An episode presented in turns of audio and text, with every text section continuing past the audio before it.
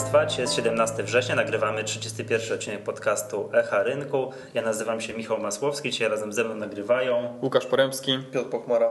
Piotr Cieślak. Dzisiaj mamy rekordowy skład, nagrywamy w cztery osoby, tego jeszcze nie było. Także będziemy rośli, już niedługo będziemy się wynająć tutaj studio nagraniowe, żeby nagrać w 15, w 15 osób. E, proszę Państwa, dzisiaj tematem mm, naszego odcinka jest o wady i zalety metody wyceny spółek metodą dochodową, metodą DCF. E, to za chwileczkę będziemy o tym mówili, ale zaczniemy oczywiście od tego, od krótkich, krótkiego przypomnienia, co w życiu stowarzyszenia e, się dzieje. A więc tak, przypominamy, że trwa, trwają zapisy na konferencję Profesjonalny Inwestor, która odbędzie się, to jest nasze główne wydarzenie jesieni, w dniach 27-29 listopada. I oferta First Mint obowiązuje do końca września. O Piotrek ostatnio nie mówiliśmy, ale ty jesteś jednym z wykładowców, przypomniałem sobie. No, podobno jestem. Tak, chciałem zareklamować. Będzie, tym razem będzie temat, który kiedyś omawialiśmy w którymś z podcastów, a więc wady i zalety metody porównawczej, tak? Dobrze pamiętam? Tak, mniej więcej taki jest temat. Yy, tak, także jeżeli ktoś chciałby usłyszeć więcej, także zachęcamy na, na konferencję, będzie można Piotrka przepytać. Jeszcze raz przypomnę, 27-29 listopada we Władysławowie, także bardzo serdecznie zapraszamy. Z innych y, rzeczy z konferencji, y, które organizuje nasze stowarzyszenie, to mamy dwie konferencje organizowane przez nasz oddział. Pierwsza przez oddział trójmiejski, jest to konferencja wokół cyklonu 26 września. I druga jest to Wrocławski Dzień Inwestycji 10 y, października. I przypomnę, że obydwie te konferencje tutaj dla członków Stowarzyszenia Inwestorów Indywidualnych są bez opłat. Także jeżeli ktoś jest członkiem stowarzyszenia, to konferencje są, są za darmo. I na, na obydwie te konferencje organizowane przez nasze oddziały można się jeszcze zapisać. Z rzeczy, to są konferencje z taką wiedzą, poziom dla osób mm, początkujących, którzy nie muszą dużo wiedzieć o giełdzie. Natomiast jeżeli chodzi o wiedzę zaawansowaną, to 2 października robimy warsztat, w Warszawie jednodniowe warsztaty Psychologia Inwestora Giełdowego, które również bardzo serdecznie zapraszam. O wszystkich tych konferencjach mm, jest informacja u nas na stronie. Także jeżeli chodzi o rzeczy edukacyjne, bardzo się dzieje, bardzo dużo się dzieje. No i jeszcze robimy taki cykl szkoleń. Łukasz, może ty powiedz, y, Akademia Tworzenia Kapitału, jeżeli chodzi o wiedzę podstawową, tak? No tak, to cykl taki szkoleń organizowany już e, siódmą edycję, siódma edycja, e, teraz na jesień, na wiosnę mieliśmy szóstą edycję. Zakres tematyczny to będzie przede wszystkim, e, tak jak wspominałeś, wiedza podstawowa z analizy technicznej i fundamentalnej. Rozpoczyna się w październiku, 6 października we Wrocławiu. Następnie w Katowicach będzie 8, w Poznaniu 13, w Gdańsku 15, w Krakowie 20 i zakończenie, e, ostatnie szkolenie w Warszawie 22 października. To, co jest warte podkreślenia, chciałem to podkreślać, mówiliśmy o tym ATK już kilka razy i to będę z uporem maniaka tutaj powtarzał, że to jest wiedza dla osób bardzo początkujących. Bardzo początkujących. Czyli ktoś nie wie nic o giełdzie, boi się, nie wiem, zapytać kolegi, tak, nie wiem, nie wiem otwiera parkiet, to jest dla niego zbyt skomplikowane, niech przyjdzie na ATK, tak, bo to jest właśnie taka inicjatywa dla takich osób, które nic nie wiedzą, a chcą cokolwiek tej giełdy liznąć, dowiedzieć się o co chodzi z tym inwestowaniem na giełdzie, to właśnie do takich osób jest skierowana jak zarządzać, jak zarządzać swoimi, swoimi pieniędzmi. E, no i tutaj e, warto wspomnieć, że dla, dla członków stowarzyszenia jest to, jest, to konferen- jest to szkolenie bezpłatne. A dla nie, osób pozostałych A dla, chyba po 40 zł. Po 40 zł, tak. Znaczy też, też nie majątek. Tak, ale to mimo wszystko zachęcamy do tego, żeby się zapisać do C, bo to zawsze jest taniej, wychodzi jakby w ogólnym całorocznym rozrachunku tych, tych, e, tych różnego rodzaju aktywności przez nas organizowanych jest tyle, że no nie będąc członkiem C to się zawsze, to się zawsze opłaca. Dobrze, proszę Państwa, z takich ogólnych ogłoszeń, mm, mm, taki do Państwa to mniej więcej wszystko. Przejdźmy do tematu głównego, czyli, yy, czyli tutaj omówienia, nie wiem, jakie są wady i zalety wyceny spółek metodą no, dochodową. Piotrze, powiedz w dwóch żołnierskich słowach, na czym mniej więcej polega wycena spółek giełdowych no, metodą DCF? Trzeba zacznę może od tego, że model DCF jest jednym z najtrudniejszych modeli E, służących wycenie spółek. No, mówię prawdę, mówię prawdę inwestorom, mówię prawdę tym, którzy e, będą chcieli podjąć się tego zadania i samodzielnie dokonać wyceny takiej spółki. E, model DCF opiera się przede wszystkim na prognozach, w ogóle stworzenie modelu DCF polega na tym, że trzeba dokonać dosyć szerokiej prognozy zarówno parametrów dotyczących rachunku wyników, jak i pozycji bilansowych. E, jest to kluczowe e, z tego punktu widzenia, że model zasadą tego modelu jest to, że polega na tym, że na podstawie tego modelu obliczamy wartości gotówki, którą spółka może generować w przyszłości, czyli nie skupiamy się na tym, e, co jest w chwili obecnej, tak jak czasami w wycenie porównawczej, gdzie porównujemy wskaźniki e, spółki giełdowej do konkurentów e, na podstawie bieżących wycen, a skupiamy tutaj się na tym, co spółka będzie osiągała w przyszłości, jaki poziom gotówki będzie generowała. Pierwsze ja zadam pytanie laika. Co znaczy e, poziom gotówki będzie generowała? Czy to jest poziom przychodów, który spółka będzie miała? Czy to jest poziom, no nie wiem, dywidend, które jest w stanie wypłacać akcjonariuszom? Czy to jest poziom, nie wiem, zysku netto? Co, co oznacza pojęcie, e, nie wiem, ilość generowanej gotówki? ilość generowanej gotówki to w dużym uproszczeniu jest to gotówka, która zostaje w wyniku prowadzonej działalności E, gospodarczej przez przedsiębiorstwo, czyli przychody to, to, to, to nie są przychody, bo przychody e, to jest gotówka, którą, e, która trafia do kasy, ale oczywiście po uzyskaniu określonych przychodów spółka ponosi liczne koszty związane z cyklem operacyjnym i w efekcie generuje innymi zysk operacyjny. I ten zysk operacyjny pomniejszony o podatek jest jednym z elementów, który, który świadczy o tym, jaki poziom gotówki spółka, spółka generuje. E, oprócz tego takim często mówi się ukrytym kosztem, e, ukrytym czy, czy gotówkowym nawet kosztem jest amortyzacja. E, niby to jest korze, ale de facto powoduje, że w spółce powstaje gotówka, więc zarówno poziom amortyzacji, jak i zysk operacyjny pomniejszony o podatek, taki hipotetyczny podatek, to wartości, które są kluczowe dla poziomu generowanej gotówki. Oczywiście w trakcie jakiegoś tam e, cyklu e, produkcyjnego, cyklu działalności spółki pojawiają się takie elementy jak chociażby e, nakłady inwestycyjne na, na aktywa trwałe i to, to oczywiście też pomniejsza poziom gotówki generowanej przez spółkę i suma, suma różnych wartości, kalkulacji wielu pozycji powoduje, że każdego roku spółka jednak tą jakąś wartość gotówki generuje. Wiem, że to jest skomplikowane no ja i tak. na pierwszy rzut oka trudno to zrozumieć, dlatego też już... Szkoda, że Państwo nie widzą teraz mojej miny, bo ja tak troszkę... Dlatego już na samym początku powiedziałem, że to jest jeden z bardziej skomplikowanych modeli i żeby się do niego zabrać, żeby zrobić solidną wycenę, to e, naprawdę trzeba mnóstwo czasu na to poświęcić, ale Dobra. A ty, Michał, wspomniałeś no. o dywidendzie. To teoretycznie można było wykorzystać, nawet nie teoretycznie, praktycznie mhm. można wykorzystać dywidendę. Cash flow to wszystko zależy od tego, jaki cash flow bierzemy do wyceny. Może być to wolny przepływ gotówki, może być też dywidenda. No tak, ale z tego ja pamiętam jeszcze ze studiów, tak, że jest jakiś model wyceny spółek, mm, który opiera się na, nie wiem, na polityce dywidendowej. Podasz Garmana tak, Są, są modele wyceny dywidendowej. Gordon. No, muszę model Gordona, tak. Garmana Collagen. Nie, to nie, pomyliłem się, to jest wycena, wycena opcji. opcji. Tak, wycena opcji, ale też widziałem, że coś na G.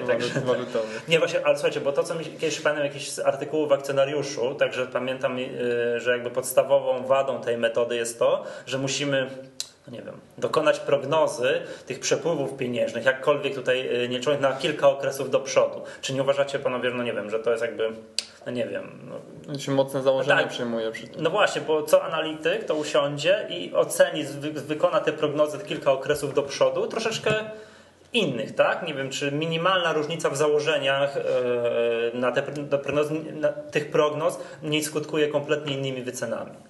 No to prawda, ale gdyby była tylko jedna cena w, głowach, każdy, w głowie każdego z inwestorów, to mielibyśmy jedną stałą cenę i ceny by się nie zmieniały na rynku.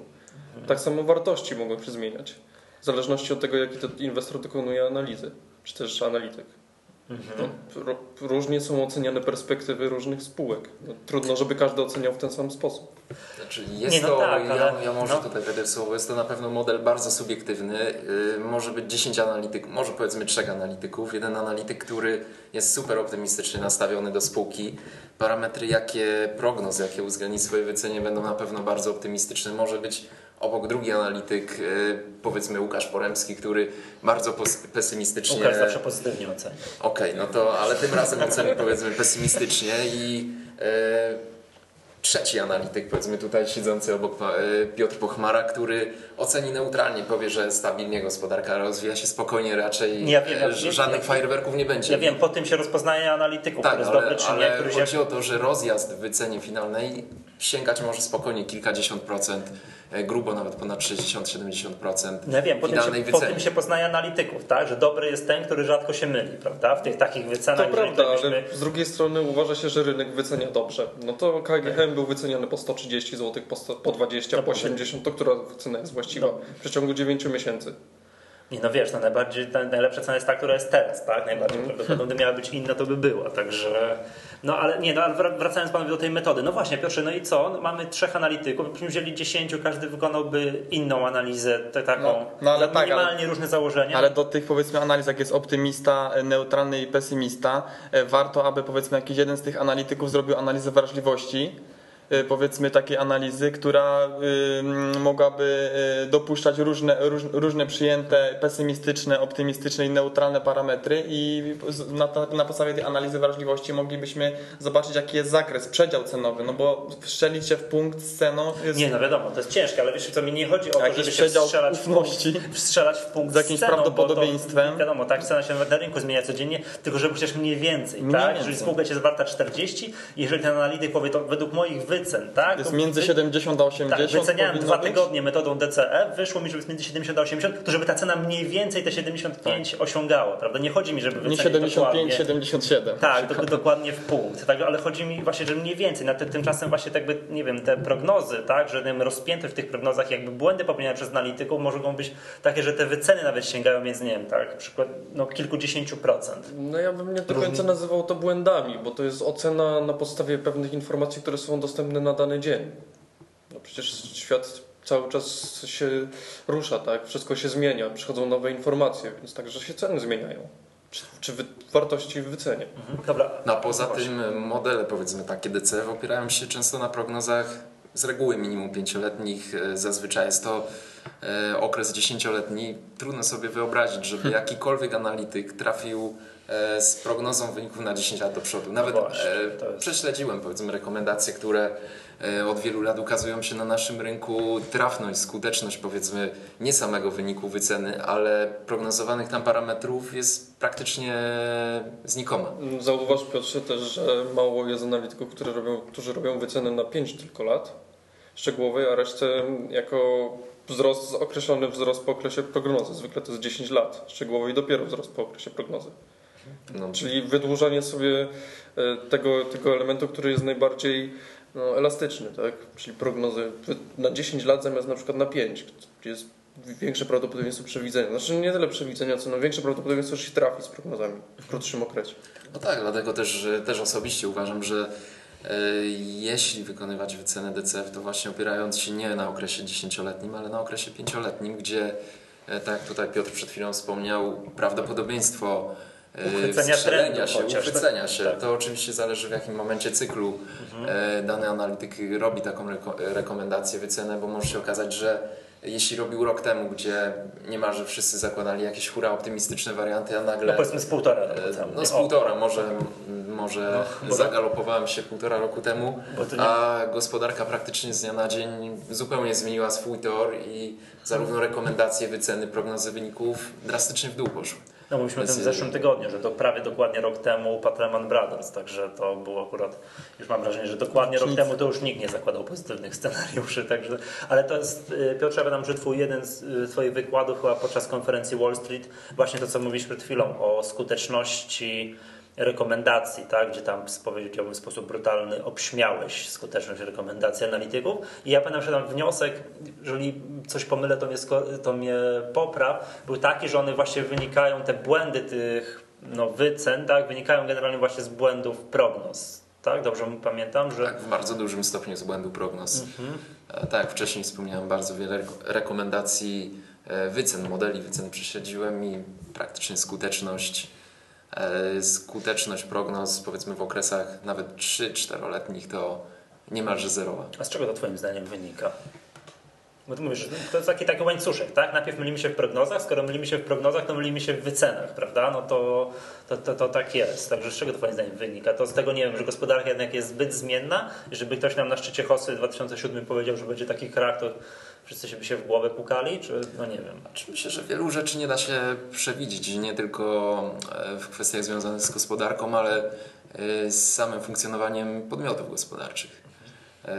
Przykładowo, jeśli chodzi o prognozy na rok do przodu, na dwa lata do przodu, tu to jeśli chodzi o skuteczność, w miarę dobrze to wygląda. To się w miarę dobrze. Oczywiście tak... są, są czasami występują jakieś rozjazdy z prognozami a rzeczywistością, no ale dwa lata ok, tutaj wychodzi w miarę ok.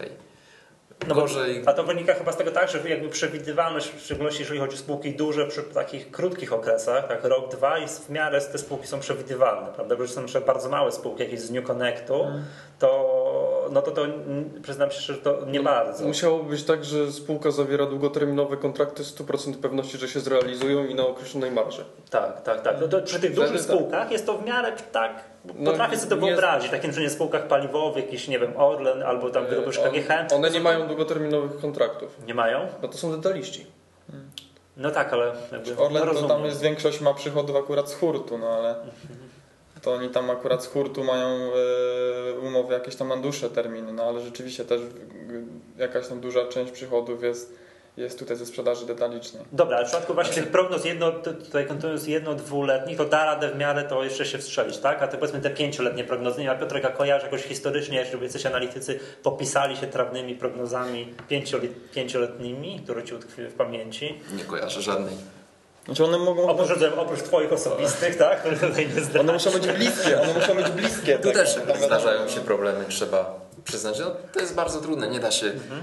Powiedzmy, jak zakłada się prognozę dziesięcioletnią, to z reguły często jest tak, że po prostu czwarty, piąty, szósty rok, siódmy, dziesiąty, a czy nie, pokazuje się raczej taki stabilny rozwój spółki. Mhm. Tymczasem wielokrotnie w ciągu tego okresu, wielokrotnie, może dwa, trzy maksymalnie trzy razy mo, może dojść do jakiegoś e, cyklicznego załamania, zachwiania gospodarki, a rzadko który analityk potrafi E, określić, kiedy to dokładnie będzie, jakiej skali, jakiej siły będzie powiedzmy jakieś załamanie bądź przyspieszenie gospodarcze. Zupełnie na odwrót. I... Spółka może mieć jakiś super patent na, nie wiem, lek na AIDS, prawda? I wystrzelić Albo wystrzelić podpisać, albo podpisać kontrakty opcyjne. I... Ale zauważcie, tak, że przecież e, raporty są aktualizowane. Nie jest tak, że analityk zrobi jeden raport, zostawia sobie spółkę i sprawdzi się, nie sprawdzi, tylko są aktualizowane. No.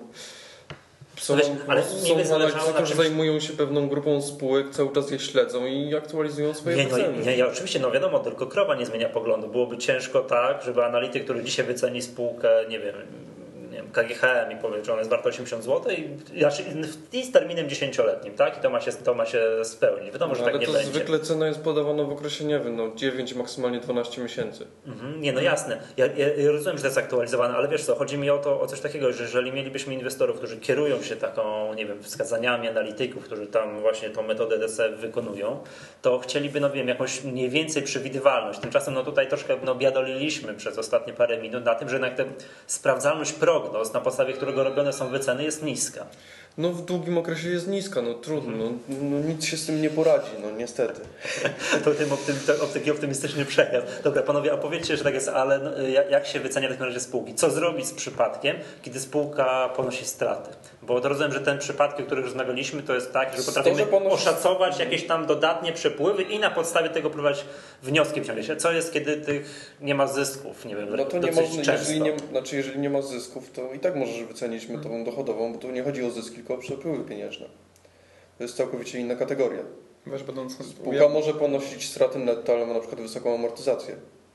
Więc na przepływach pieniężnych będzie dodatnie. Albo wysoki zysk operacyjny. Na przykład. No dobra, a jak spółka, nie wiem, 3 lata z rzędu ponosi stratę. To też nie przeszkadza w wycenie DCF. Przy założeniu, że generuje jakieś dodatnie przychody. Strata, ale jeśli ujemne generuje, to też się uwzględnia w cenie. Strata a przepływ pieniężny to, jest całkowicie, dwie, to są całkowicie dwie różne kategorie. Nie no, wiem, ale... Dlatego też częstym błędem popełnionym przez inwestorów jest e, ocenienie spółki tylko na podstawie przychodów i zysku netto. Nie no, oczywiście, bo ciężko, no wiadomo, to no, błędem było powiedzieć, że spółka dwa lata z rzędu poniosła straty, że ona jest warta zero. Tak? Ale można tak, też tak, odwrócić. To, to Są tak spółki, które przynoszą zyski netto i nie generują gotówki i popadają w kłopoty. No oczywiście. Także ten, no dobra, no to ale jak sobie wtedy poradzić? Nie wiem, że spółka ma powiedzmy sobie jeden rok ma zysk, stratę, nie wiem, jakieś przerwy w działalności operacyjnej, to można w ogóle podchodzić, czy wtedy metodą DCF, czy trzeba sobie podarować? Zdecydowanie można. Często jest tak, e, że jeśli to jest okres 5 czy 10-letni, może być tak, że przez kilka lat e, spółka powiedzmy nie, nie, generuje gotówki, a przez kilka lat generuje i w wyniku tego to się wszystko sumuje po, po zaktualizowaniu tych wartości do wartości bieżącej i e, w wyniku tego otrzymujemy jakąś wartość, która wpływa de facto na finalną wycenę. No tak jak powiedział Piotr, to zależy dużo od y, momentu, w którym dokonywana jest wycena. Cyklu nie tylko w gospodarce, ale cyklu w życiu spółki, bo może być tak, że spółka wyceniana jest w cyklu, na początku cyklu jakiegoś rozwoju, tak, że w momencie, w którym dużo inwestuje, ale po jakimś czasie ona zacznie być zyskowna i zacznie generować gotówkę. Biorąc długi okres prognozy, mhm. to wszystko się zbilansuje.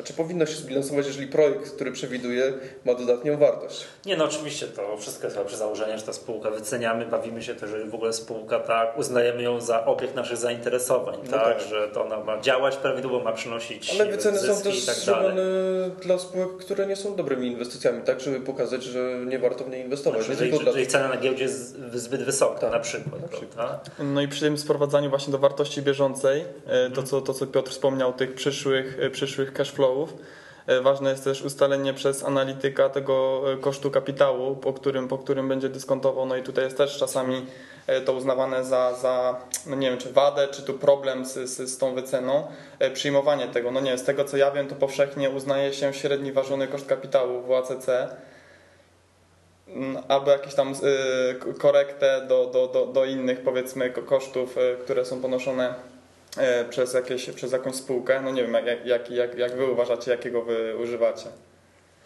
Czy używasz tutaj No jak wyceniasz spółkę, to nie można inaczej średnio ważony koszt kapitału, czyli wspomniany przez Ciebie e, VAT i to jest jeden z kluczowych czynników. Pytanie jest, jakie przepływy się bierze, czy przepływy dla firmy, czy dla akcjonariuszy, bo mhm. jeżeli dla akcjonariuszy, to kosztem kapitału dla akcjonariuszy, czyli kosztem kapitału własnego. Jeżeli bierzesz przepływy dla całej firmy, no to średnio ważony koszt kapitału, nie ma innej możliwości. Nie dobra, panowie, no to jest troszkę skomplikowana sprawa. A jeszcze to może zadam e, takie pytanie, czy wy sami osobiście się tym kierujecie? Czy, to, czy, to, czy, czy pieniądze to zbyt poważna sprawa i lepiej nie? No ja przyznam otwarcie, że tak. Tak? Tak. Mhm. A, ja przyznam no, otwarcie, że o ile... Tak się wiercisz, Piotrze, coś mam wrażenie. Że o ile wykonuję takie tak? wyceny, e, o tyle dla własnego użytku rzadko korzystam. Po pierwsze dlatego, że to jest y, metoda czasochłonna, y, a po drugie to, co wcześniej wspomniałem, y, sprawdzalność czy możliwość dokonania mocno wiarygodnej prognozy na 10 powiedzmy lat do przodu jest niemożliwe i nawet ja osobiście wykonując taką wycenę mam w podświadomości, że i tak mi się nie uda trafić e, z prognozami na 10 lat do przodu, więc wycena będzie co do zasady z góry obarczona bardzo wysokim błędem. Dlatego może osobiście... Nie ma sensu, może nie ma sensu, może cały świat analityków fundamentalnych powinien zarzucić tą metodę jako niewartą uwagi, bo to... Znaczy nie ma, nie ma na, na jaką zarzucić. Znaczy, no, no, no, czy ja chciałbym że nie, musi ja, ja nie twierdzę, że ja stosuję tylko DCF, bo to bym, tak jak tak czasem musiałbym tylko siedzieć nad DCF-ami, nie mógłbym wykonywać innej pracy zawodowej, tylko siedzieć nad tworzeniem modeli. Mhm. E, ale no i to jest też uwaga, że warto korzystać z innych metod. Mhm. Przy czym no, a Piotrze, a z czego częściej korzysta z metody właśnie jakiejś takiej tej no z braku czasu porównawcza. Czy, no z czy, braku ale, czasu porównawcza. Ale częściej posługujesz się porównawczą, czy... No, częściej porównawczą. Mhm. Chociaż czy... wolałbym DCF-em. A ja powiem szczerze, że nie tylko z braku czasu, ale też z doświadczenia dłuższego praktyki, gdzie widzę, że jednak ten model y, oparty o właśnie wycenę porównawczą, powiedzmy bazującym, y, model bazujący na wynikach tegorocznych czy prognozie jednorocznej do przodu e, jest no, w zasadzie dużo bardziej skuteczniejszy i osobiście uważam, że znaczy, lepiej... że mniej czasochłonny to może przynieść lepsze Aha. efekty inwestycyjne. Przy czym chciałbym zaznaczyć, że porównaw... wycena porównawcza wcale nie jest oderwana tak bardzo od DCF aż chyba może nie, że oderwana, ale bazuje na tych samych założeniach, tak? I no, tak skoro, musisz dokonać jakieś prognozy i tak musisz dokonać jakieś prognozy, tak? Celem jest określenie wartości, tak? Tak jest. Jedna i druga znaczy, nie, może jakaś... nie, nie, nie, nie, nie, ja bym powiedział nie, nie, że określenie wartości, bo to mnie nie, jakby nie mało interesuje. Mnie interesuje to, czy, czy mam kupić tę spółkę, czy sprzedać. No, tak. Czy ona jest, mhm. czy będzie warta trochę więcej, czy mniej. No, ale a nie, nie, że trafienie na... w punkt z no wartością. Tylko, że zauważ, że bierzesz cztery spółki z jakiegoś sektora i każda ma inne wskaźniki. Z no. czegoś to wynika, prawda? Tak, które no, są przewartościowane. Mniej więcej takie któreś, te same czynniki a któreś nie wpływają na poziom wskaźników, co, co czynniki, które wpływają na DCF. Mhm. A mógłbyś to rozwinąć jeszcze? No, tą... Chociażby stopa wzrostu. Weźmy wskaźnik PDE. No to jest, w tym wskaźniku jest odzwierciedlone oczekiwanie stopy wzrostu nie, żebyśmy się dobrze rozumieli, tak? Żeby dokonać prawidłowej metody porównawczej, mimo że to nie jest tematem dzisiejszego nagrania, to i tak musisz wykonać prognozę, tak? Tego tam, nie wiem, zysku, tylko, że na whatever, tylko, tak? Że na. No, oczywiście... Model DCF nie bazuje na, na zyskach netto, a PDE na zyskach netto, więc to prawda. Wzrostu zysku to prawda. ale oczywiście powiedzmy wskaźnik y, P do, do EBIT na przykład, to już Czekaj, Piotr się czuje najbardziej tak. teraz do tablicy. tak, ale pozwolę.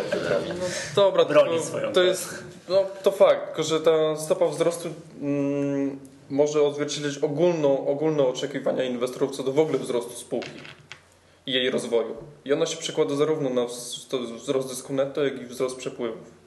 Tak, tylko że model porównawczy rzadko kiedy stosuje się powiedzmy na 5, na 10 lat do przodu. Nie, ale stosuje się zwykle na 2. Na 2 lata do przodu, a tu wcześniej rozmawialiśmy między innymi o tym, że y, szansa na to, że wiarygodnie określi się powiedzmy wartości y, czy zyskowności, czy, czy przychodów spółki w okresie dwuletnim jest dużo wyższa niż w modelu DCF. Dlatego za, zakładam, przyjmuję też, że łatwiej jest oszacować wiarygodny model porównawczy dwuletni niż DCF 5 czy 10-letni. No tak, ale te, te, te, prognozy w okresie dwuletnim porównawczej bazują na tym samym modelu, co jest zrobione DCF. Panowie analitycy, dyskusja jest z pewnością fascynująca. E, mam pytanie takie z punktu widzenia osoby, która chciałaby się zabrać za to. Tak? Ustaliliśmy już, że to jest trudne, tak? wszyscy się drapią w głowę, ojoj, prognozy 5-10-letnie, tutaj tak, ważony koszt kapitału, to jest wszystko bardzo skomplikowane. To stosować czy nie stosować? Bo tu Piotr Ostatnio przyznałeś się, tak, wypunktowaliśmy wady, tak, że generalnie podstawowa wada problemy z oszacowaniem tych prognoz, w szczególności tych wieloletnich. Stosować, gdybyśmy mieli polecieć inwestorom, czy nie stosować. Bądź oczywiście równoważne pojęcie, y, bazować na rekomendacjach analityków, którzy stosują. To jest to samo, tak. Znaczy, ja bym powiedział w ramach ciekawostki, jeśli ktoś ma powiedzmy nadmiar czasu, a jest bardzo zaciętym tak? a jest bardzo zaciętym analitykiem i chciałby wszechstronnie dokonać analizy spółki, to tak. Jeśli mm. ktoś Nieważne jaka metoda byle była zyskowna. Jeżeli dla kogoś DCF się okazuje zyskowny, to czemu miałby go nie stosować? Nie, no wiem, że Marek Pryzmont kiedyś w komentarzach Future, na, tam, który pisze na parkiecie, napisał, że na rynku kapitałowym nie zawsze trzeba mieć rację, ważne, żeby zarabiać pieniądze. Dokładnie. Także, bo jakby tutaj wniosek, Zapewne każdy z nas mógłby postawić 10 inwestorów, którzy zarabiają stosując metodę DCF i 10, którzy tracą stosując I, metodę DCF. I małpę. I, I, na pewno małpa była lepsza od tak. części, no, części tak, tych tak, inwestorów. Także, także, dobra, ale już jakby kończąc, bo, metod, bo to jakby dyskusja jest fascynująca, ale chyba wkraczamy na zbyt wysoki poziom abstrakcji to mm, jakby tutaj wniosek, który tutaj mi się nasuwa słuchając, słuchając tutaj waszej tutaj zaciekłej dyskusji o szczegółach, jest taki, że na pewno e, jeżeli stosować, to chyba nie tylko, tak, że osoba, która stosuje tylko i wyłącznie metodę DCF, no jakby skazana na te błędy prognoz i tak dalej, że jakby stosować, patrzeć na to, patrzeć na metodę porównawczą, to co mówiliście, tak, że jest to prostsze, szybsze. No. Aczkolwiek też obarczona wieloma ryzykami błędów. Bo też nie jest pozbawiona wad. No, chociażby nie, trzeba dokonywać. Chociażby, nie, nie wiem, taka wada, to dyskutowaliśmy parę podcastów, tam nie jest de facto prognozą. Tak? Znaczy wyceną, przepraszam, nie jest de facto wyceną. Taką, no, jest taką ścisłym tego słowa, ścisłym tego słowa znaczenie. Tak? do konkurentów. Mhm. A konkurenci no. mogą być drodzy, to, to też może w dużym stopniu zafałszować wycenę, dlatego też mhm. trzeba patrzeć, e, kiedy, no. kiedy coś jest drogie, a kiedy tanie, abstrahując już od tego, jakie są parametry powiedzmy spółek, z którymi porównujemy. Mhm, no właśnie. Ale nie jest określenie wartością, to dlaczego na rynku odbywają się transakcje właśnie z wykorzystaniem metody porównawczej? Skoro nie jest określeniem wartości. No ale no, sam. Jest z określeniem wartości. No, ale nie, nie, nie, nie, w takim nie sensie jest jak na przykład wy, sensu stricte wyceną taką jak, jak metoda DCF. Mhm. No, w jaki sposób tam określasz wartość, no ale nie, no, wy, nie wyceniasz tak, tak jakby... Tak. Czyli jest, jest określeniem wartością, wartością, a nie wyceną. No to dość ciekawa konstrukcja. No, no ale nie, no nie, nie wiesz o co chodzi, tak? Że nie jest taką, nie wiem, że nie masz innych spółek, bierzesz cyk, wyceniasz po ile to, ile ta ci spółka jest, tak jak mówię, w metodzie DCF, no tak? tutaj widzę, widzę, trudność, właśnie trudność metody porównawczej, bo wymaga e, analizy wszystkich spółek, które bierzesz do porównania. Tak, żeby żeby ocenić, które, chociażby dlaczego są różnice w wskaźnikach. W wskaźnikach. To, że coś jest wyceniane niżej wskaźnikowo od jakiejś innej spółki, która jest wyceniana wyżej, nie oznacza, że ja powinienem od razu to kupić. Być może są jakieś tego powody. Ale ja wcale tego nie powiedziałem. No, dokładnie. Dobra, słuchajcie, bo ten dyskusja to jak mówimy o metodzie DCF, no ja powiem tak, jakby wniosek ostateczny jest taki niezbyt optymistyczny. Nie wiem, czy się zgodzicie. Że po pierwsze tutaj panowie ponarzekaliście, że to jest strasznie trudne, że to się dwa tygodnie robi. Po drugie, że błędy prognoz, w szczególności na długich terminach są ogromne. A po trzecie, no tak, sam Piotrze powiedziałeś, że nie stosujesz. Tak, no dwa tygodnie to oczywiście tutaj pan redaktor sobie mhm. myślę, że około 10 czy tam może 12 nawet nie dodał. Wszystko zależy od tego. Nie, nie było to dwóch tygodni? Czekaj, no to przepraszam. Zależy to wszystko od tego, czy, czy ma się już też jakieś gotowe powiedzmy modele, które bazują powiedzmy na plikach excelowskich, czy to wszystko ktoś robi ręcznie, czy nieręcznie, w jaki sposób dokonuje tych wszystkich kalkulacji, prognoz. No, od wielu czynników zależy, jak to będzie długo trwało i od doświadczenia przede mhm. wszystkim też. Ja bym też zachęcił słuchaczy, jeżeli posługują się rekomendacjami analityków, którzy tam wyceniają spółkę, żeby, żeby spojrzeli na to, czy ci analitycy podając jakąś tam wycenę i, powie, i mówiąc, że robią to metodą DCF, że podali założenia to podali założenia, czy, że oni tak to wyceniali, a prognozy tam, nie wiem, przychodów, zysku netto, czegokolwiek tej konkretnej spółki były takie i takie, żebyśmy my mogli Zawsze to są sprawdzać. Podawane. Zawsze są mhm. podawane. Tak, no dobra, ale to żeby przypatrzyć się temu, tak? Czy my się, nie wiem, chociaż po trosze zgadzamy z tymi, z tymi prognozami? A to zdecydowanie bym rekomendował, mhm. żeby patrzeć, oceniać i przynajmniej samemu postarać się zweryfikować, yy, zweryfikować co dany analityk miał na myśli, co prognozował, jak prognozował, na czym bazował. No, że my się po prostu zgadzamy z jego założeniami. Dobra, panowie, jeszcze tutaj jakby kończąc temat, ten temat e, jakby e, oceny metody, met, wyceny spółek metodą dochodową, chciałem zapytać troszkę jakby z innej z innego tematu. Co sądzicie o karze przyznanej prezesowi Dudy w ostatnich dniach?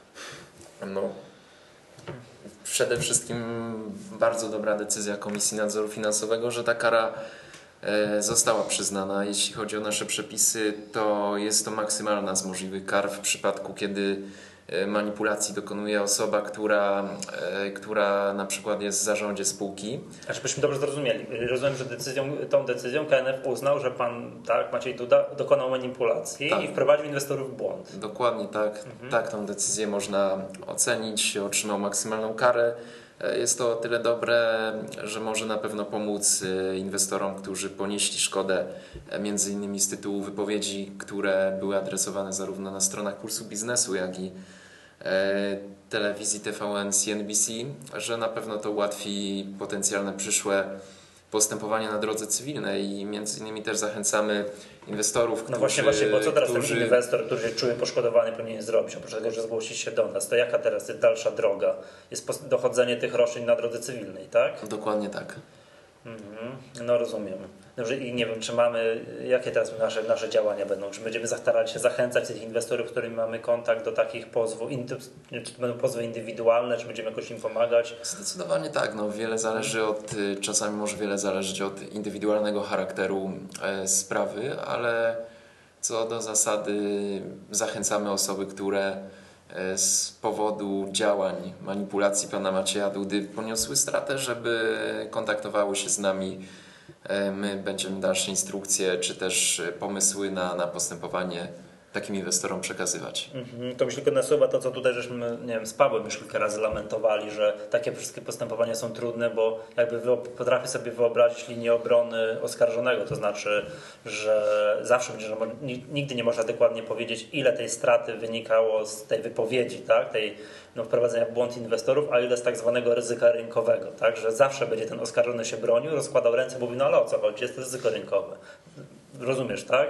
Że znaczy, rozumiem, na pewno będzie wiele problemów w ustaleniu tego, aczkolwiek rozmawialiśmy już y, z kancelariami prawnymi i wydaje się, że jest to możliwe, a żeby to określić, nie chcę. No, i, po takiej, no i po takiej decyzji komisji na pewno będzie łatwiej. Zdecydowanie. Tak, że będziemy pokazywali przed tymi sądami cywilnymi, że proszę zobaczyć, tutaj Komisja Nadzoru Finansowego uznała to za manipulację, za wprowadzenie w błąd inwestorów. Także... Zdecydowanie to pomoże. Mhm. Dobrze, proszę, proszę Państwa, będziemy powoli kończyć na dzisiaj. Chciałem przypomnieć o tym, że w zeszłym tygodniu ogłosiliśmy konkurs, to znaczy prosiliśmy Państwa o wypowiedzi dotyczące Państwa opinii na temat trwającego, no już tak umownie rok, już będzie teraz ponad rok kryzysu gospodarczego. To już odpowiedzi bardzo prosimy, jeżeli Państwo wypowiedzi o nadsyłanie na adres podcast małpa i w przyszłym odcinku będziemy postaramy się no wybrać jakieś ciekawsze wypowiedzi i nagrodzić Państwu, no, przekazać Państwu jakieś nagrody.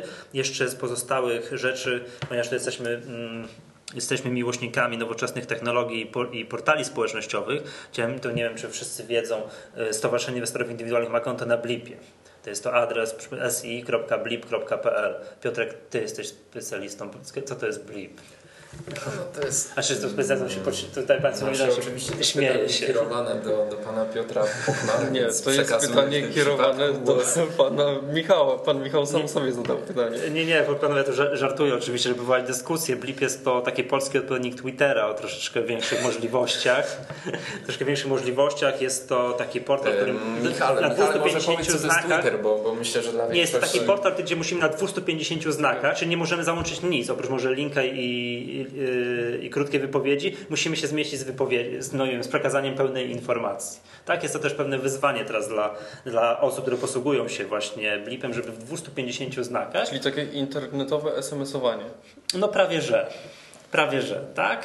Prawie że. Także zachęcałem Państwa o, o dołączenie do, do, do, naszych obserwatorów na Blipie i mamy też konto na Facebooku. Wiemy, że bardzo duża część jakby osób, no szczególnie młodych, no jest uzależnionych od Facebooka, mają tam swoje konta. Mamy od dwóch dni konto na Facebooku, także bardzo serdecznie zapraszamy no, o dołączenie, do obserwowania nas, o wypowiedzi, wszystkie jakby bieżące informacje, które też CI będzie robiło, czy, organizować, czy będzie organizować konferencje, szkolenia. Wszystkie informacje na Facebooku będą także zawarte. Dobrze, to wszystko na dzisiaj. To dziękuję bardzo. To był 31 odcinek podcastu Echa Rynku. Ja nazywam się Michał Masłowski. Dzisiaj razem ze mną nagrywali Łukasz Poremski, Piotr Pochmara, Piotr Cieślak. Do usłyszenia za tydzień.